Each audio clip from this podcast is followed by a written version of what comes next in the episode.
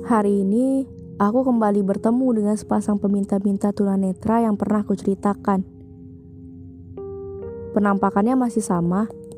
Mereka berjalan beriringan dengan anak mereka sebagai penuntun arah langkah di depan. Lagi-lagi aku termangu. Nalarku rasanya tak sanggup memikirkan ini.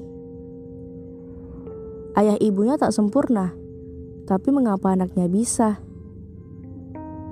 Sekilas tuduhan Allah tak adil itu kembali memenuhi benakku. Ini adalah bukti maha adilnya Allah. Tak ada kata mustahil dalam kuasa Sang Maharaja. Ucap sanubariku. Memang benar. Tak ada manusia yang meminta dilahirkan dalam kondisi tak sempurna. Namun Allah Maha Baik. Di balik kekurangan mereka, Allah selipkan kelebihan.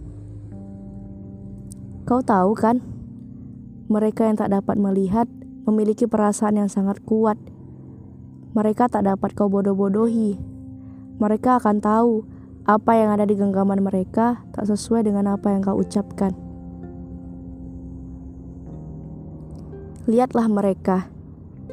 Kekurangan sama sekali tak merenggut bahagia mereka masih bisa sumringah dan tertawa hari ini. Sangat berbeda dengan kita, yang Allah ciptakan nyari sempurna tapi masih saja merasa kurang. Maka tak heran jika hidup kita masih saja berantakan. Sebab mengeluh masih berpeluk ringan, sedang syukur masih enggan menjelma teman.